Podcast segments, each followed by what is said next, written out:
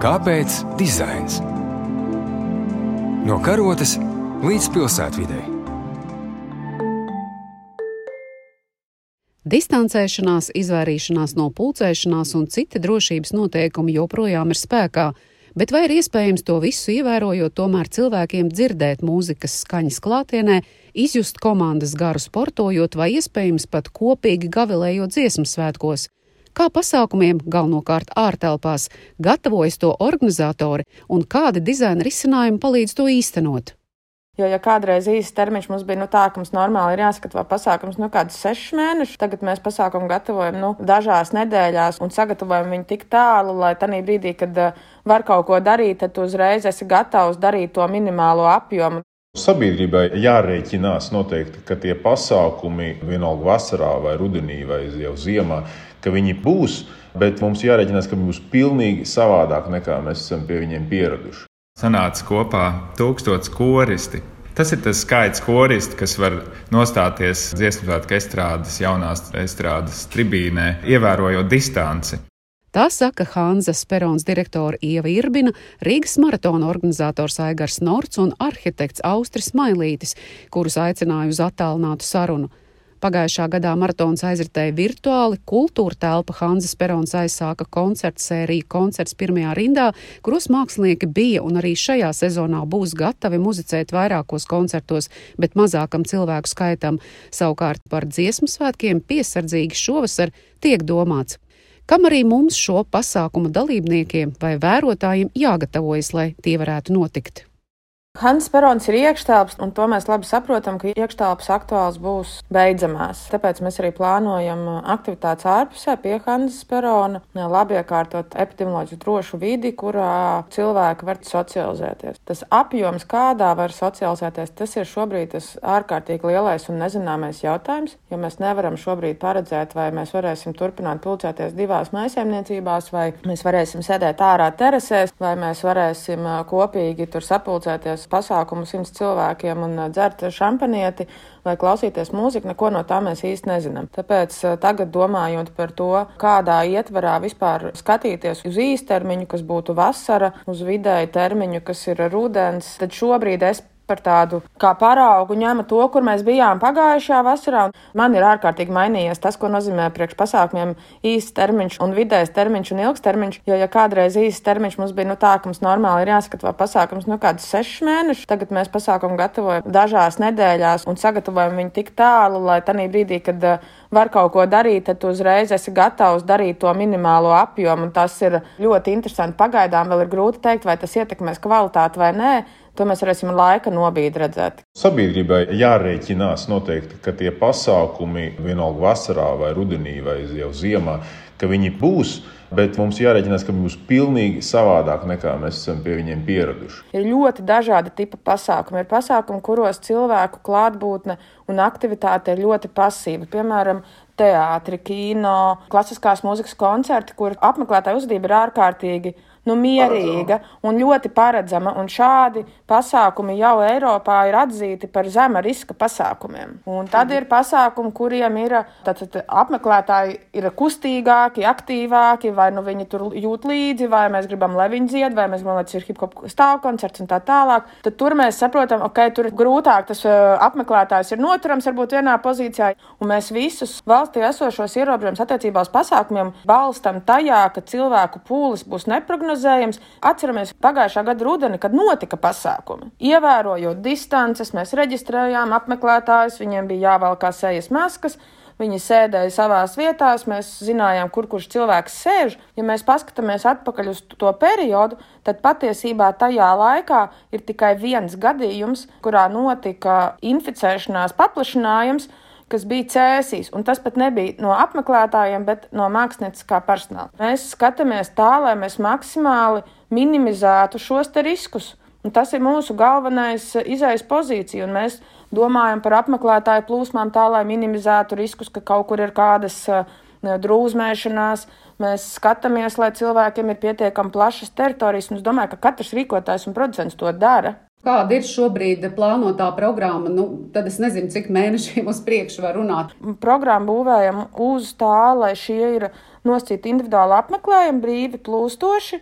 Un uh, pasākumu, kurus mums ir viegli transformēt tajā, kad, uh, ok, nenākam visi vienā laikā, nākam četrās stundās, tad, lai viņi ir viegli pielāgojami situācijai. Un mēs plānojam tādus pasākumus, kuros tad, sacīt, tāda satuvināšanās nav obligāta, un plus mēs plānojam tādus pasākumus, kuriem mākslinieki ir gatavi būt fleksibli.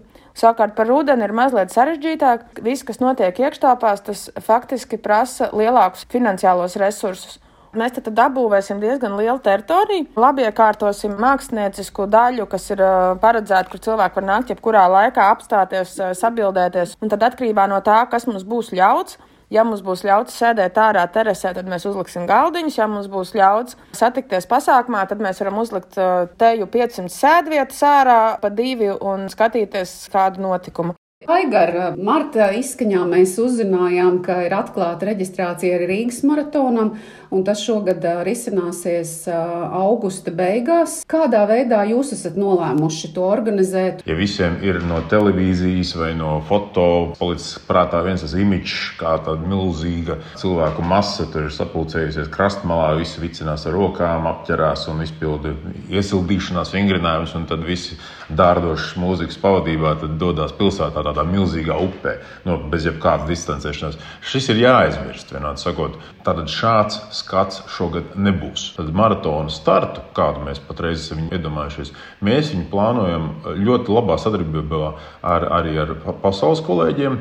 Patreiz tas, kas notiekās pasaulē, jau ir pirmie precedenti. Tikko bija Nagojas maratons ar Principā 14,000 dalībnieku un ar ļoti labiem rezultātiem, bez epidemioloģiskiem riskiem, kur cilvēki visi startē maskās. Viņiem tur ir savādāks veids, kā viņi to organizē, bet es viņu pastāstīšu.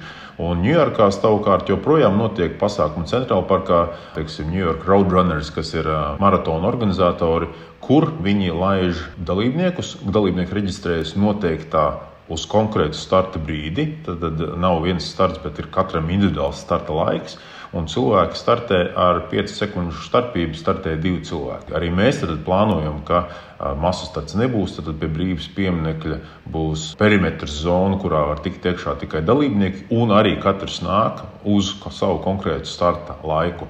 Tad nekā cita startā nav ko darīt. Mēs parūpēsimies par to, ka viņš ir garlaicīgs, neinteresants skatītājiem. Šoreiz nekas tam līdzīgs nenotiek. Visus numurus dalībnieki saņem ar DPD, kur ir pasta savās paskastītēs. Tad viņi jau nāk, viņi piespiež numurus, viņiem nav nekāda pulcēšanās pirms maratona nepieciešama. Ja.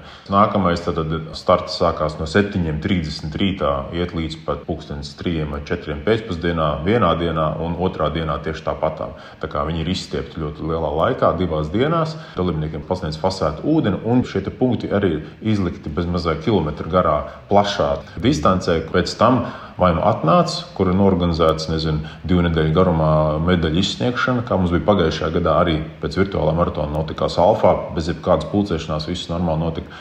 Vai arī šo medaļu arī saņem pastu. Tā ir nodeva jaunajam laikam bet skolu jaunatnes dziesmu un deju svētku rīkotāji domā, kā tos organizēt citādā formātā.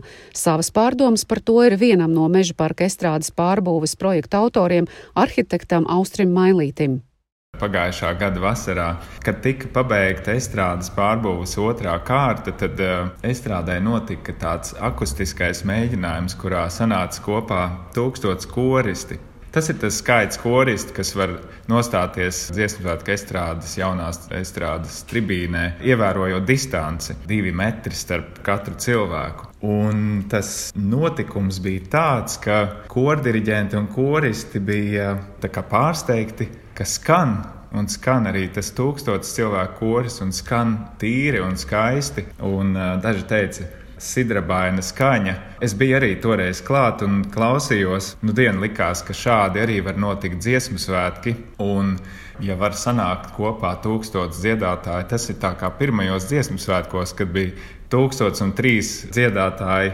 dziesmu svētku parkā, gan tas toreiz notika Arī mežparkā var sanākt kopā un dziedāt, un svētki var notikt. Dziedātāji var arī stāvēt uz skatuves, kā tas katros dziesmu svētkos ir noticis. Un uz skatuves var būt vēl 500 dziedātāji. Tātad 1500 koristu, liels koris, kas ir kaut kas unikāls. Tāpat mums liekas, varbūt pieredze, bet tas ir unikāli. Var vienā reizē uzstāties, un skatītāju laukā var būt nevajag izlikt krēslus, līdzīgi kā Igaunijā, Tallinā var sēdēt zālītē Var, protams, ko paklāt apakšā.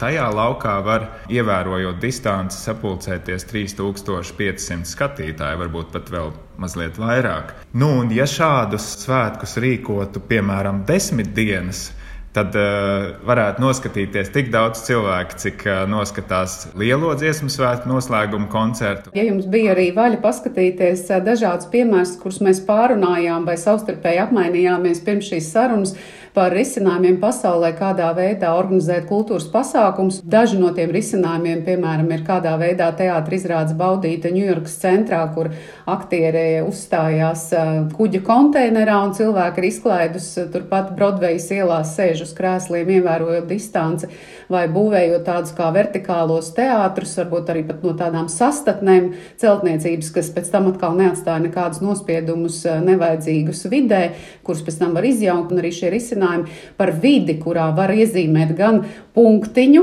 vai varbūt iezīmēt zālē noteiktu diametru, kur, piemēram, es iedomājos, kā uz dziesmu un deju svētkiem skolēns katrs savā tajā stāv vai ne, vai atpūšās, vai noliek savu somu, un viņš skaidri redz, ka viņš nav skrien kādam citam virsū, un zināmā mērā tas palīdz šo distancēšanos ievērot. Un šie risinājumi, daļa no tiem īpaši par šo distancēšanos, ir bijuši jau pagājušā vasarā, un man nu, gribētos domāt, ka tas arī ļāva cilvēkiem noticēt, ka ir iespējams izdarīt vienkārši, estētiski, bet epidemioloģiski droši.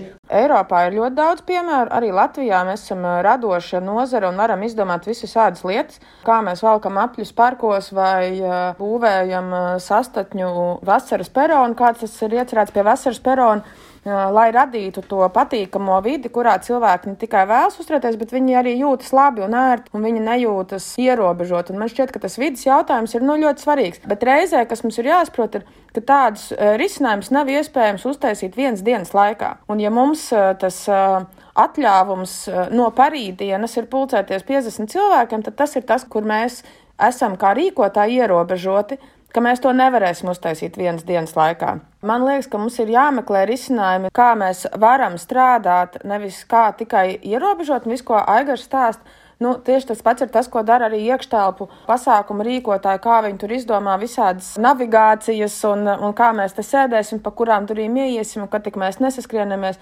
Un tas, ko pasaule, pieņemsim, šobrīd mums rāda priekšā, ir, jo vairāk rīkotājs pats ir gatavs darīt, jo drošāk kļūst vide, kurā cilvēks ienāk uz pasākumu, un attiecīgi iekšpusē viņam ir mazāk citu ierobežojumu. Man liekas, ka cilvēki arī ir gatavi uh, dažādām šīm formām, un viņi ir gatavi šīs formas ievērot, ja vien viņiem iepriekš pasaka, ka pēc tās formas ir un ka viņas ir nu, loģisks, nu, ka mēs neliekam tā sacīt, izlikt cauri astoņiem riņķiem, pēdējais no kuriem ir degošs, tad, kad tu esi ticis degošam riņķim cauri, tad saka, jā, malacis, tu biji veikals tik šim riņķim cauri, bet tagad Tev būs jāiet pa ledu vai pa oglēm, jo tikai tā mēs varam nodrošināties, ka tas būs paklausīgs. Ja visa nozares, visi pasākumi tiek sabāzti vienā maisā, ka viņi visi tiek vērtēti tikai pēc dalībnieku skaita, neatkarīgi vai tā ir konference, vai raudas kultūras namā, ja, vai orientēšanās 500 hektāru platībā, vai rokkoncerts, ja, vai maratons izklaidēts starta vai jāņu ugunošana, ja mēs to visu saliekam vienā katlā, tad mēs nevaram būt priekšgājēji, teiksim, tādi priekšzīmnieki priekš Eiropas un priekš pasaules, lai gan mēs būtu gatavi to to darīt. Mēs esam gatavi izdomāt risinājumus kopā ar epidemiologiem, apsēsties. Nekāda problēma vispār nav. Izplānot dažādus šos risinājumus, smukus, drošus, ļoti funkcionālus, kas var ļoti labi strādāt. Tas, manuprāt, būtu tas galvenais, lai valdība ļauj strādāt. Un es arī saprotu, ka mēs bez tā arī nevarēsim iztikt, jo pandēmija jau nekur nepazudīs. Viņa nepazudīs ne nākamā mēnesī, ne vasarā, un, un visticamāk būs šeit arī rudenī un vēl nākamā ziemā. Pat tiešām ir daudzi feini un interesanti risinājumi pagaidu būvēm, piemēram, izmantojot. Mēs esam taisījuši Mūsu darbnīcā vairākus tādus kultūras un uh, kafejnīcu vietas, piemēram, cēsīs, kas ir tieši uz vasaru, kas ir, uh, piemēram, Mēs taisījām no tādām celtniecības sastatnēm, kas ir diezgan uh, populāri. Izmantot to arī priekš kafejnīcām, teātriem, brīvdabas, koncertu vietām. Jo tās ir tādas, ko var uzbūvēt, droši izmantot, nojaukt pēc tam un uh, neiet materiāli zudībā. Viņas var izmantot pēc tam vai citiem pasākumiem vai kādām būvniecības lietām, kur tās ir paredzētas. Piemēram, tad, kad Rīga bija kultūras galvaspilsēta 2014. gadā, tad arī Rīgā esplanādē mēs veidojām tādu publisko telpu, kas ir gandrīz varētu teikt ārtelpa, bet tur ir nojumi, tur ir aizvējuši iespējams arī jāiztaisa sienas. Tas ir tikai viens variants. Tādas veido no koka, šī iezīmēšana, piemēram, laukumā ar tiem punktiem, kur cilvēkiem ir vieglāk saprast, kas ir tā divu metru distance. Un, ja ir teiksim, šāds te ornaments laukumā, ja pilsētas laukumā, piemēram, tad cilvēki vienkārši redz. To var izdarīt forši un estētiski. Pat tā, ka tas paliek pēc tam, iestrādājot šajā laukumā kādu rakstu foršu. Tā būs atmiņa par distancēšanās laikiem arī vēlāk. Varbūt tas izskatās labi un varbūt uh, tas var palikt pēc tam. Arhitekts arī stāsta, ka mākslinieku vidū un sabiedriskās iestādēs virmo vēl dažādas idejas par to, kā vasaras periodā organizēt dažādus notikumus. Ceram tos sagaidīt un arī piedzīvot. Sarunā piedalījās kultūra telpas Hanzas Perons direktora Ieva Irbina, Rīgas maratona organizators Aigars Norts un arhitekts Austris Mailītis. Raidījums skaņa montē Judīta Bērziņa. Paldies par atbalstu Kultūra Kapitāla fondam. Jūs uzrunāja Ilza Dobela. Raidījumu varat klausīties arī populārākajās podkāstu aplikācijās. Uz tikšanos!